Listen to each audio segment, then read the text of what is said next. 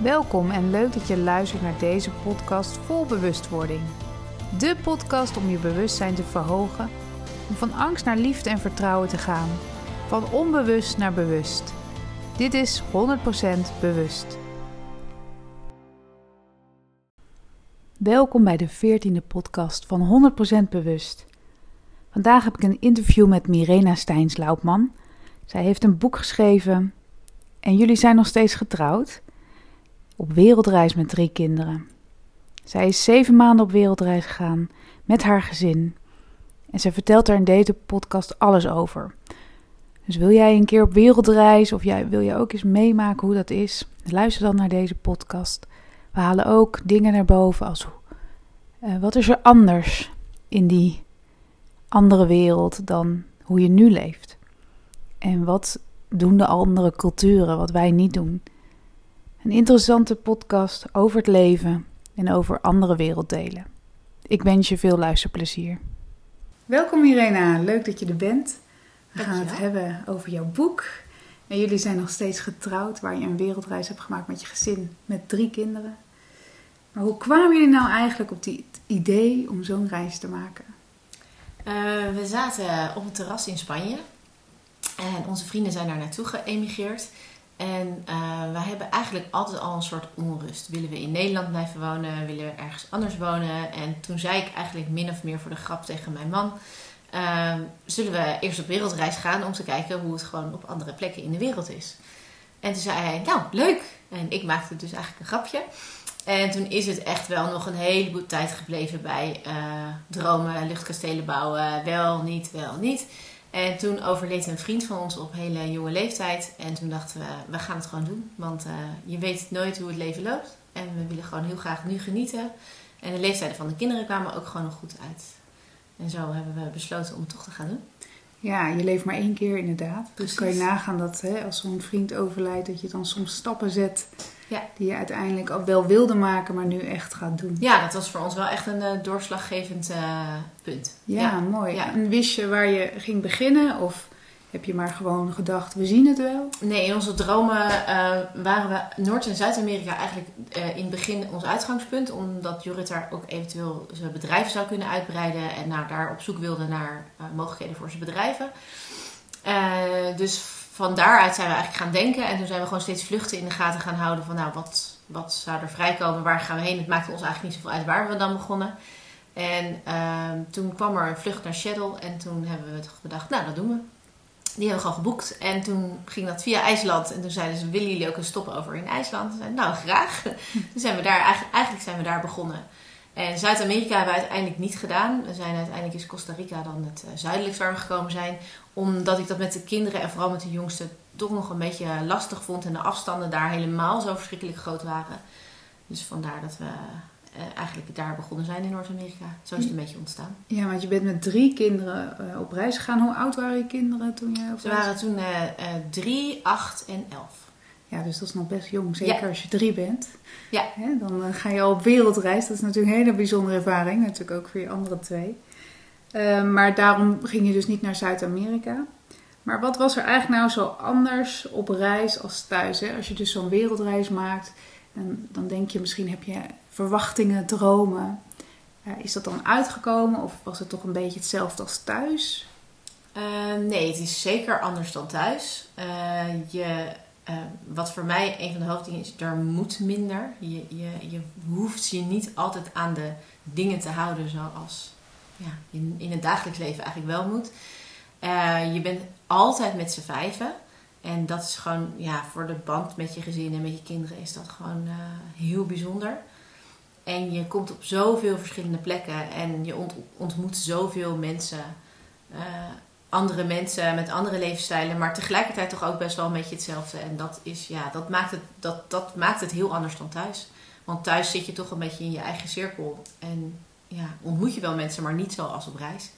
Dus dat was voor ons wel echt uh, waarom het echt heel anders is dan thuis. Voel je eigenlijk op reis wat vrijer. Je maakt, je maakt in ieder geval meer contacten. Of tenminste, we ja. maken hier ook wel contact. Maar ik denk dat... Nou, gek genoeg voel je... Dat heb ik zelf heel sterk. Voel ik me op reis veel vrijer. En ook zeker als je een andere, als je gewoon in het Engels, ik weet niet wat dat is, maar dan voelt het op een of andere manier toch eh, vrijer. En ik merkte het ook heel erg aan de kinderen. Het maakt niet uit waar we kwamen in de wereld. Binnen een paar minuten hadden ze, als we ergens waren, eh, vriendjes gemaakt. En, en praten ze met iedereen en alles. Terwijl ze eigenlijk hier in Nederland helemaal niet zo uh, overlopen met veel vrienden en dingen. En wel vrienden hebben, maar niet uit zichzelf zomaar overal op afstappen. Terwijl ze dat naarmate de reis vorderde eigenlijk heel veel deden. Ja, grappig eigenlijk is dat. Hè? Is dat dan omdat we anders leven? Of is, is het omdat je daar toch meer buiten leeft? Heb je een idee waardoor dat komt? Uh, het buitenleven is voor mij zeker, ik voor mij en voor de kinderen, uh, zeker wel een van de dingen waar je denk ik echt vrijer voelt en makkelijker uh, communiceert. En ik vind ja, het, het, buitenleven met lekkerder weer, ik weet niet op een of andere manier, is iedereen daar ook altijd een soort van relaxter van. En dat maakt het makkelijk. En ik denk ook wel dat wij gewoon uh, ja, wij moesten niks. Dus, dus je, je bent ook gewoon heel relaxed. En over het algemeen zijn wij hier denk ik ook wel heel open en relaxed. Uh, maar op reis gaat dat dan nog net even wat makkelijker. En, en, en, je hebt ook een interessant verhaal hè, voor mensen. Als je, Ja. Iedereen vindt het ook heel interessant om te horen... oh, jullie zijn op reis met eh, drie Ja. kinderen en zo lang. En eh, hoe doe je dat dan? En ja, dus je bent ook, ja, daardoor heb je ook denk ik sneller contact. Ja, je hebt natuurlijk wel een soort dagelijkse routine, denk ik. Maar je hebt natuurlijk niet de vaste dingen dat je inderdaad moet werken. Hè? De, de, Nee. de dag is een beetje dat je Ja, zelf dat, kan... je, je hebt de vrijheid, eh, de vrijheid om alles zelf in te delen. En, en als je in een camper in Amerika een lange dag aan het reizen bent, ja, dat is ook niet altijd even leuk.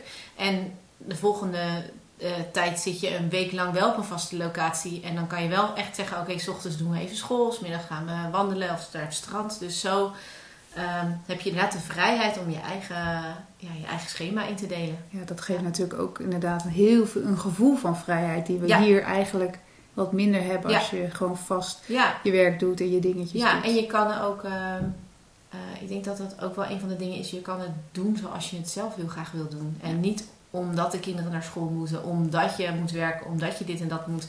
Eh, dat heb je toch echt als je thuis in je gewone ding zit. Dus dat realiseerden we ons zeker ook wel onderweg van dit is een reis die je maakt en, en het is ook echt anders dan thuis. En ook al zou je hier in dit land wonen, dan kan het ook niet altijd zo blijven. Nee. Ook al moet ik zeggen dat mijn vrienden die in Spanje wonen nog steeds zeggen dat het bij hun, oh, ze wonen er inmiddels eh, zeven jaar denk ik of zo, nog steeds voelt alsof ze op vakantie zijn. Ja. Omdat ze daar zo, en ze werken keihard en ze hebben een heel eigen bedrijf opgezet daar, maar ze zijn gewoon nog steeds heel relaxed. Het is gewoon een hele andere sfeer.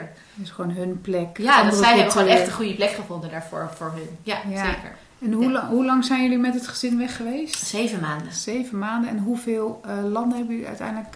Eh, we zijn begonnen in IJsland, maar daar zijn we maar vrij kort geweest. We hebben twee maanden in Amerika gezeten, een maand in Frans-Polynesië, een maand in Costa Rica, een maand in Nieuw-Zeeland en een- iets meer dan een maand in Australië. Dus zes landen. Ja, Zes landen. Ja. Ja. in zeven maanden. Ja. Dus dat is best wel ja dat is best, eh, best veel. Ja, het was echt een rondje om de wereld. En wat is het eh, meest wat je is bijgebleven in die, eh, in die tijd? Wat is echt dat je zegt, nou, dat is me echt zo bijgebleven. Qua plek of qua ervaring? Wat je zelf Wat ik- mag oh, ja. Nou ja, wat ik net zei, het ontmoeten van andere mensen vond ik voor, of vonden mijn man en ik wel echt een van de ja, meest inspirerende, inspirerende dingen. En eh, voor ons allemaal het ja, zoveel in de natuur zijn, eh, met je camper in een national park staan en eh, naar de sterrenhemel kijken met je kinderen. Ja, dat zijn allemaal van die magische momentjes. Ehm, eh, ons me- kleine meisje heeft zelf leren zwemmen op reis. Dus die ging op Frans-Polynesië op haar buikje op de bodem, want de zee is daar zo helder. En eerst op haar buik en het ging steeds verder en uiteindelijk zwom ze.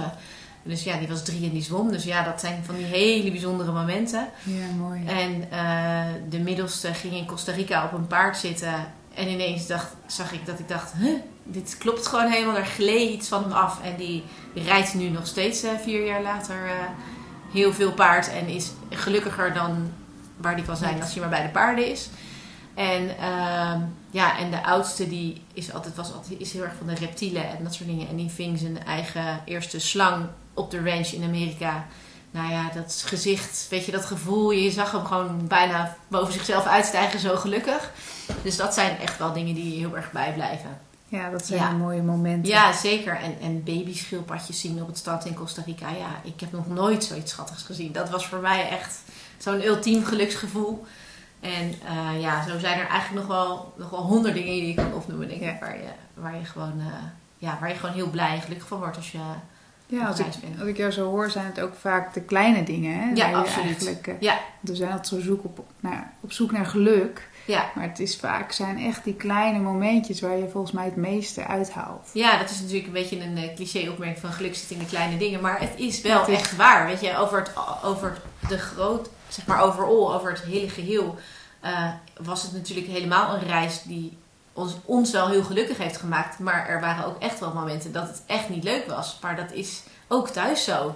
Ja. Maar je haalt juist daar uit die kleine dingetjes, uh, uit ontmoetingen en uit ja, voor ons echt in de natuur zijn en eigenlijk altijd op het strand.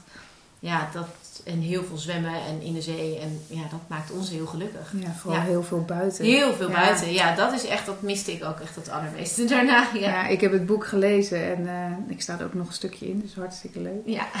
En ehm, ja, dat, je gaat echt mee op reis. En dat voelde ik wel. Dat als je dan op zo'n mooie plek, en je beschrijft het ook zo mooi, want je bent er gewoon echt, dan ben je er ook. ja, Dan denk je, oh ja, dat, dat moment, ja.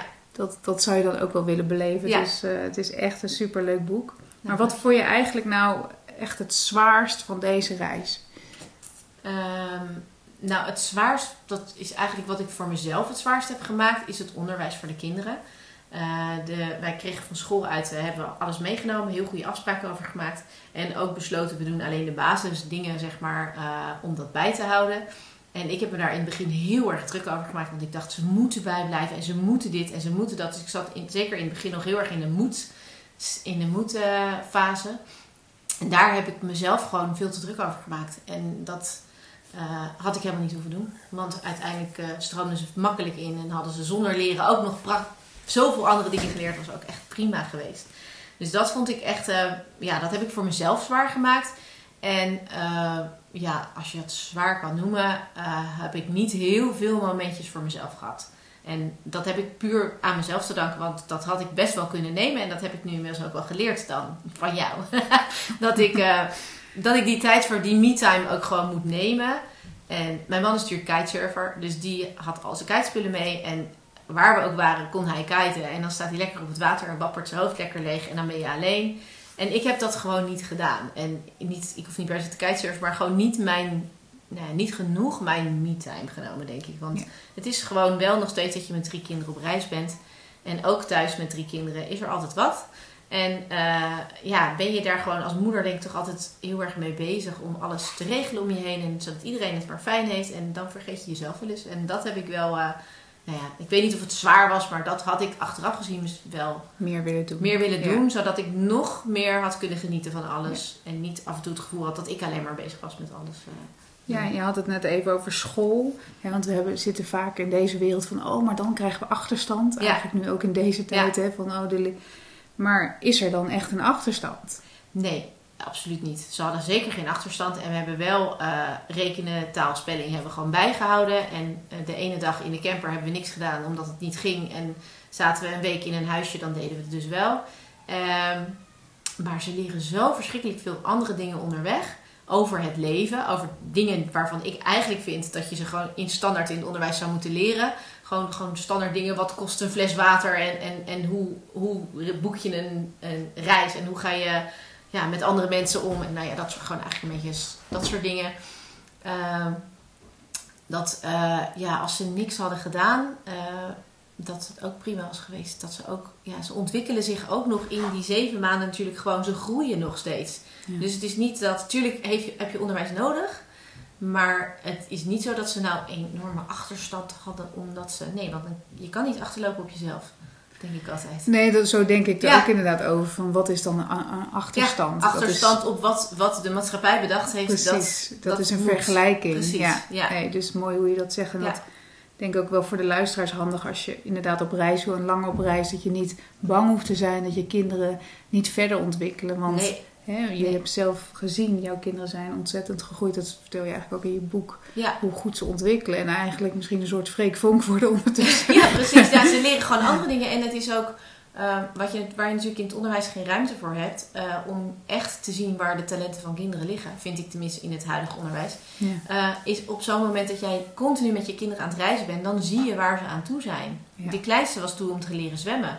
ja, normaal, nou, hier mag je op je zwemles als je vier of vijf bent. En dan moet je iedere week een half uurtje zwemmen. Maar zij zwom daar iedere dag. Dus kon zwemmen met drie jaar. Ja. En eh, je zag gewoon waar ze op dat moment aan toe waren. En ja, mijn jongens hebben nooit lang stil kunnen zitten. Dus die konden de hele dag in de natuur hiken en dingen doen. En ja, daar, worden ze, daar ontwikkelen ze zich beter dan als je ze de hele dag op een stoel zet. Ja, eigenlijk wel ideaal voor een eh, leven zo. Je bent niet gebleven, je zijn na zeven maanden Toch weer teruggekomen. teruggekomen, ja. Ehm, jullie gingen wel weg met het, hè, met het verhaal van, nou, misschien vinden we een plek waar we kunnen blijven. Ja. Eh, ik begrijp dat jullie dus nog steeds in Nederland wonen. Ehm, is het niet gelukt of is het eh, toch niet helemaal geworden wat jullie dachten? Of, Nou, het, er zijn echt wel plekken in de wereld geweest waarvan ik dacht, nou, dat, dat is echt wel heel erg leuk. Maar ehm, ja, je gaat dan toch altijd weer nadenken over de toekomst van de kinderen. Want eh, ja, het is heel mooi zo'n zo'n idyllisch dorpje op Costa Rica. Maar ja, kunnen mijn kinderen daar dan straks ook een toekomst hebben? Dan zegt mijn man altijd, wat wil je voor je kinderen? Nou, dat ze gelukkig zijn en dat ze kunnen doen waar ze blij van worden. Dat kan eigenlijk overal in de wereld. Dus ja, ik ben eigenlijk degene die dat daar een beetje in tegen heeft gehouden. En eh, het kwam ook door de bedrijven van mijn man dat we gewoon weer terug moesten naar Nederland. En die verder liepen en hij daar gewoon mee bezig was. En wij ja, dan ineens de jaren toch weer voorbij vliegen. En je in je vaste dagelijkse dingen ehm, zit. Maar eigenlijk is de onrust er nog steeds. Ja, dus jullie hebben eigenlijk nog wel steeds die droom dat jullie misschien... Ja, om misschien toch ergens anders. eh, of de, de jongste, die natuurlijk niet alles meer kan herinneren, heeft besloten dat als zij 12 is, dat we nog een keer gaan. ik weet niet of dat gaat gebeuren. Ja. Maar ehm, ja, er, blijft altijd wel een soort van onrust. En eh, daardoor maken we ook gewoon nu, nou ja, nu dan het afgelopen jaar niet, maar ja, daarvoor ook nog wel gewoon steeds leuke, mooie reizen. Om Ja. ja. toch wel steeds weer dat gevoel te krijgen. Alleen ja, door omstandigheden is het, is het toch eigenlijk nog steeds Nederland. Ja, als ik jou zo hoor praten, dan denk ik gelijk aan mijn kinderen. Dan denk ik, ja, eigenlijk zou ik ehm, hoe hun zich hebben ontwikkeld en eigenlijk de scholen van nu, de talenten dat jij zegt, hè, mijn zoon die vond het paard, dat, dat ga je dan zien. Hè, doordat je eigenlijk alles loslaat en vrijlaat, kun je eigenlijk pas misschien wel goed ontwikkelen en groeien. En dat Ja. wij soms in deze maatschappij een beetje in kadertjes werken. En dan denk ik, wauw, ja, eigenlijk gun ik dat mijn kinderen ook. Ja. Hoewel ik wel in dat boek dacht van, oh, het is wel echt veel reizen. Hè, Ja. Want je reist ook veel tussendoor. Eh, ja, vind ik het wel heel mooi hoe kinderen, en, en ook jezelf denk ik, je, je zo kan ontwikkelen. Hè? En dat je zo groeit ook op een ander gebied, emotioneel denk ik ook wel. Ja, En zeker. dat je daar, eh, nou ja, hele mooie groei in kan maken. Ja, dus ja wat dat heb ik zelf ook natuurlijk ook Ja. gedaan. En, en door het boek heen heb ik dat ook wel beschreven over mijn persoonlijke groei daarin. En, Ja. en ik was ook wel eh, al die tijd, eh, voordat we op reis gingen, gewoon thuis alles aan het regelen. En als die jongste naar school ging na de reis, had ik ook wel bedacht dat ik ook wel weer een keer aan de beurt was. Dus ik heb tijdens de reis natuurlijk ook van alles gedaan om ja, mijn eigen mijn persoonlijke groei ook een beetje eh, te, te bekijken. En van wat, wat wil ik nou? En nou, toen kwam het schrijven dus ook naar boven. Dus vandaar ook het boek. Ja, mooi. ja, Mooi hoe dat ontstaat. Hè? Dus inderdaad ja, ook maar dat is echt wel puur als je er tijd voor hebt. Want als je gewoon maar doorgaat in je dagelijkse dingen. En, en ik denk ook, wat een van de heerlijke dingen van reizen is natuurlijk dat je afstand kan, echt letterlijk afstand kan nemen van waar je normaal in zit. En door die afstand kan je eigenlijk zelf gewoon, je neemt jezelf wel overal mee naartoe, dat wel natuurlijk. Maar door die afstand uit je dagelijkse routine, dat, wat voor, daar hoef je geen wereldreis voor te maken, maar dat is denk ik wat voor vakantie dan ook. Kan je toch alles weer even van de andere kant bekijken. Ja, dat geloof Ja. ik zeker. En En ook jezelf. Ja, en Ja. wat mij heel erg in het boek aansprak, wat je als luisteraars gewoon een keer ook moet lezen, want dan voel je het ook en ervaar je het ook, is dat je het ook over de vrouwen hebt die je ontmoet daar, de Ja. sterke vrouwen en dat ook hè, de andere culturen, hoe die dan met elkaar omgaan. En dat er eigenlijk veel meer samenwerking is tussen die vrouwen, wat ik begrijp. En dat wij dat in Nederland eigenlijk niet echt hebben. Nee. En wat zie jij daar als voordeel aan? Of wat, wat, hoe heb je dat ervaren? Nou dat was wel een van de dingen die ik al. Dat begon eigenlijk al in IJsland. En ehm, daar ontmoette ik een vrouw op een. eh, ehm, we gingen op een walvistour. En daar ontmoette ik iemand. En eh, ja, daar kwam ik mee in gesprek. En, en dan leer je hoe vrouwen dan ergens anders zeg maar, leven en wonen. En natuurlijk is het leven overal op de wereld een soort van hetzelfde. Maar per cultuur natuurlijk ook wel verschillend. En eh, ja, op een of andere manier werd ik daar heel erg enthousiast van. En dacht ik, oh, dat is interessant. En toen kwam ik in het volgende land en ontmoette ik nog meer vrouwen. En toen dacht ik, oh ja, nou, die doet het zo. En toen had ik wel eens gesprekken met die vrouw van, nou, waar word jij dan gelukkig van? En wat heb jij, uh, zeg maar, waar heb jij veel van geleerd? En ja, en bijvoorbeeld in uh, uh, Nieuw-Zeeland ontmoette ik een vrouw en die deden echt met de oma's en de tantes alles onderhielden ze bijvoorbeeld een hele moestuin bij een heel mooi huis. En die deden dat echt elke week en die leerden ook van elkaar. En in Costa Rica ontmoette ik ook een vrouw die dat, ja, waar, waar toch de vrouwen met elkaar, uh, ja, van elkaar leren. En ik geloof dat dat natuurlijk lang, lang geleden altijd zo was. Dat je echt in een community woonde en als vrouwen met elkaar uh, voor elkaar zorgden en voor de kinderen. En nu heb ik het idee dat wij hier in Nederland, ja, misschien ook wel in meer West westerse landen, um, alles een beetje zelf opnieuw moeten uitvinden. En tussen onze vier muren zitten en oh ja, ik moet het allemaal alleen doen. En ik geloof er echt in dat je wel uh, heel veel van elkaar kan leren. En als je meer met elkaar doet, de een is, is veel beter met oudere kinderen, de ander is veel beter met jongere kinderen. En ja, ik, waarom moet je het allemaal alleen doen, zeg maar? Ja, ik, ik kreeg daar echt een... Elke keer als ik dan weer iemand sprak, werd ik heel enthousiast. En ik kreeg helemaal zo'n gevoel daarover. En uh, vandaar dat ik ook in het boek had beschreven van... Uh, ik wil daar ook heel graag nog een boek over schrijven. Hierna. Uh, ja, over de vrouwen die ik ontmoet heb tijdens de reis. En elke keer als ik weer een vrouw sprak, dan werd ik weer enthousiast. Dan kreeg ik weer meer ideeën. Dus het boek is er nog niet, maar wie weet. Dat komt eraan. Gaat dat komen? Ja, dan ga ik dan gelijk lezen. Nee, ik heb het ook. Ik herkende, of dat raakte me gewoon in dat boek. Ja. Dat ik dacht, want dat vind ik zelf ook. Ik ben, ik doe, ik ben alleenstaande moeder eigenlijk, tenminste, ik doe het uh, alleen in mijn huishouden met twee kinderen. En dan mis je soms inderdaad echt wel even de, de ondersteuning van de andere mensen. Of ja. natuurlijk moet je dat zelf gaan zoeken. Maar het is hier wel wat lastiger en wat minder vrijblijvend dan wat jij eigenlijk in je boek beschrijft, hoe dat zo soepel gaat. En het voelt ja. eigenlijk heel vrij hoe die vrouwen met elkaar omgaan. En dan denk ik, ja, wat zijn wij toch inderdaad in een soort hokje bezig. Of nou ja, misschien ben ik nu een beetje uh, heel zwart-wit aan het uh, vertellen. Maar we, we, doen het wel inderdaad vaak allemaal alleen. We moeten het gevoel dat we het alleen doen. Ik krijg het ook vaak in mijn healings, dat mensen zich toch best wel eenzaam voelen ja. in, de, in de weg die ze bewandelen. En dat kan gewoon anders. Ja. En je schrijft ook in je boek, ja, dat zou ik ook eigenlijk heel erg naar Nederland willen brengen.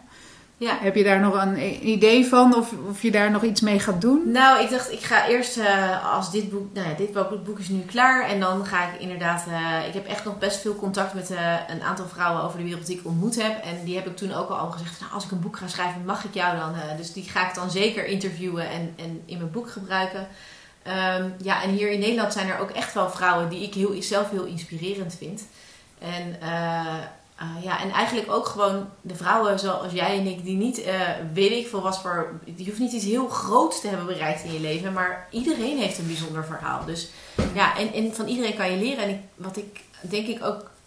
oudere, vooral zeg maar oudere vrouwen, daar kan je zoveel van leren. En er zijn natuurlijk culturen waar de oudere vrouwen juist de wijze vrouwen zijn en waar je heel veel van leert. Maar dat hebben wij een beetje weggestopt of zo. Of dat is een beetje een. Dus net als dat ouder worden nu een soort van van nee, daar moet je het niet over hebben. En dat schrijven we vooral lekker vooruit. Maar naarmate je ouder wordt, word je natuurlijk wel gewoon veel wijzer. En ik denk dat je die wijsheid ook heel erg mag overdragen op de jongere generatie. Want anders moeten zij het allemaal weer opnieuw uitvinden. Ja. Terwijl die wijsheid er al gewoon is. Dus ik heb dat hier in Nederland nog niet, uh, niet echt bedacht. Ik heb wel eens meegedaan met van die vrouwencirkels en zo. En dan um, dat je daar je verhaal kwijt kan en met elkaar praten over allerlei dingen. En dat vind ja. ik ook heel mooi. En ja, ik denk gewoon dat, er, dat je alleen al binnen je familie, zeg maar, kan zoeken en kijken naar de, naar de oudere en jongere vrouwen en wat je van elkaar kan leren. Ja, mooi. En ja, het lijkt me heel mooi als er meer zo'n. Uh, ze zeggen het gewoon, het, het heeft een. Uh, je hebt een heel dorp nodig om een kind op te voeden. Nou ja, weet je, zo was het eigenlijk nog maar zo. Maar goed, misschien heb ik een te idyllisch beeld daarover hoor. Ik weet niet of dat zomaar nog kan. Nou, het lijkt mij ook fantastisch hoor. Ja. ik heb met een vriendinnenclubje hebben we ons hofje. We zouden ja. graag in een hofje willen wonen ja, met z'n allen. Ja. Uh, dat lijkt ons gewoon heel fijn, want dan kan je er ook wat meer voor elkaar zijn dan nu. Want vaak woon je of te ver weg of nou ja, dat is je te druk met alles. Dus ik, dat vond ik een heel mooi um, ding in jouw boek, dat je dat toch nog even benoemde. Want ik denk dat wij daar inderdaad heel veel van kunnen leren. En dat wij inderdaad met ouderen, ja, de ouderen hier in Nederland is niet zo, um, ja, hoe zeg je dat? Niet zo groot of niet zo dat we zien als wijze, wijze, terwijl dat in jouw boek wel anders komt. Hè? Dat je leert van de oude generatie. En die, hè, van generatie op generatie wordt het aangeleerd. Ja. Misschien komt dat nog steeds wel een beetje voor in Nederland, dat weet ik niet. Maar ik, ik ken het zelf, ken ik het niet. Nee, er zijn zeker heel veel culturen waar dat nog wel zo gebeurt. Alleen bij ons in de westerse, zeker in de westerse cultuur, denk ik dat dat gewoon een beetje in onze vier, vier muren een beetje ja, allemaal bij jezelf zit en, en niet met, bij, met meerdere. Nee, precies. En ben je ook nog armoede op je reis tegengekomen? ja, zeker. In Costa Rica heb je wel echt heel veel. Uh, ja, daar, daar is het echt. En in Frans-Polynesië eigenlijk ook. Ja, ja daar, daar zit je op een tropisch eiland en je rijdt eerst langs een heel duur resort. En dan rij je alleen maar langs huizen met lappen en, en dingen. En ja, dan en zie je vrouwen op zo'n, achter zo'n kraampje staan die met veel moeite wat fruit verkopen om hun gezin te kunnen onderhouden. Dus je hebt zeker, we hebben zeker ook wel veel armoede gezien. Ja. ja. Ja, en, en, veel meegemaakt ook in Costa Rica. Maar dat, daarvoor moet je het boek maar even gaan ja, lezen. zeker. Anders gaan we alles vertellen over het boek. Ja. Um, ja, heb je eigenlijk nog tips voor de mensen die nu denken van... Ja, ik wil eigenlijk ook met mijn kinderen of met mijn gezin een wereldreis maken. Heb je een tip waar ze eventueel... Tuurlijk is je tip natuurlijk je boek. Want daar staat eigenlijk al heel veel tips in. Dus uh, die raad ik natuurlijk ook aan. Maar misschien heb je nog een tip van... Nou ja, begin daar of wat, neem dat mee of iets ja. waar ze wat aan kunnen Nou, ik denk dat het gewoon ook heel erg uh, afhangt van uh, jouw gezin. Want dat is natuurlijk, je moet iets doen wat bij jouw gezin past.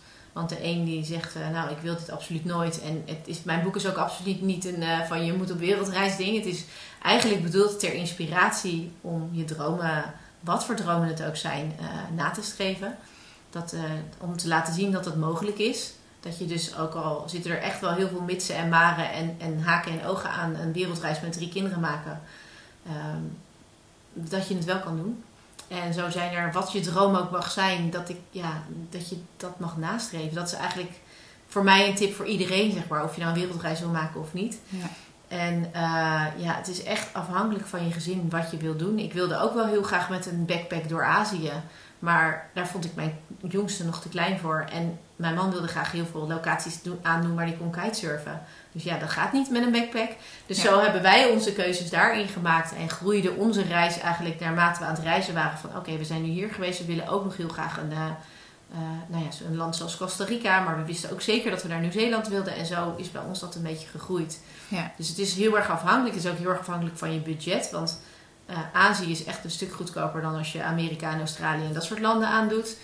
En ja, je hoeft ook niet per se in één keer zeven maanden te gaan als je het niet kan regelen. Als je zes weken in de zomervakantie kan, is het natuurlijk ook al super tof. Dan voel je ook echt al wel die vibe van die vrijheid, zeg maar. Ja. Dus, uh, je hoeft niet gelijk ook zeven maanden. Nee, natuurlijk niet. Maar sowieso niet. Het is absoluut niet de bedoeling om mensen eh, te overhalen om, om dat te gaan doen. Zeker niet. Nee, het is gewoon puur als, als leuk verhaal. Uh, om je mee te nemen naar die plek op reis. En als inspiratie om je eigen dromen na te streven. Ja, jouw boek. En jullie zijn nog steeds getrouwd. Uh, kun je dus uh, kopen. Ja. En waar kun je die kopen? Op dit moment kan je hem bestellen op mijn website. Op www.moonblessings.nl En uh, uiteindelijk ook nogal andere plekken. Maar voor nu is dat eventjes mijn, uh, ja. mijn plek waar je hem kan bestellen. Ja, dus mocht je haar boek willen lezen van Mirena over de wereldreis, er staan super veel tips in. Ik, vind, ja, ik heb het eigenlijk in één ruk uitgelezen. Ik weet wel wat ik nu wel en niet wil, ook op wereldreis. dus het is echt, het is echt super. Dus uh, mocht je dat willen kopen, dan kun je dus naar moonblessings.nl. Ja. Nou, ik wil je heel erg bedanken voor dit gesprek, Mirena. Graag gedaan. En uh, ik wens je gewoon een hele fijne, een fijne dag. Ja, dankjewel. Jij ook. Bedankt voor het luisteren naar deze podcast. Leuk dat je erbij was. Wil je nog meer weten over persoonlijke groei? Kijk dan even op mijn website mirandabeuk.nl. Vond je deze podcast inspirerend? Geef dan een leuke review en abonneer of volg deze podcast zodat je niks kunt missen om van angst naar liefde en vertrouwen te gaan. Heb jij nu zelf een situatie waar je in vastloopt? Stel je vraag dan via mijn website bij De Bewuste Vraag. En ik zal deze zo snel mogelijk voor jou gratis beantwoorden. Bedankt voor het luisteren.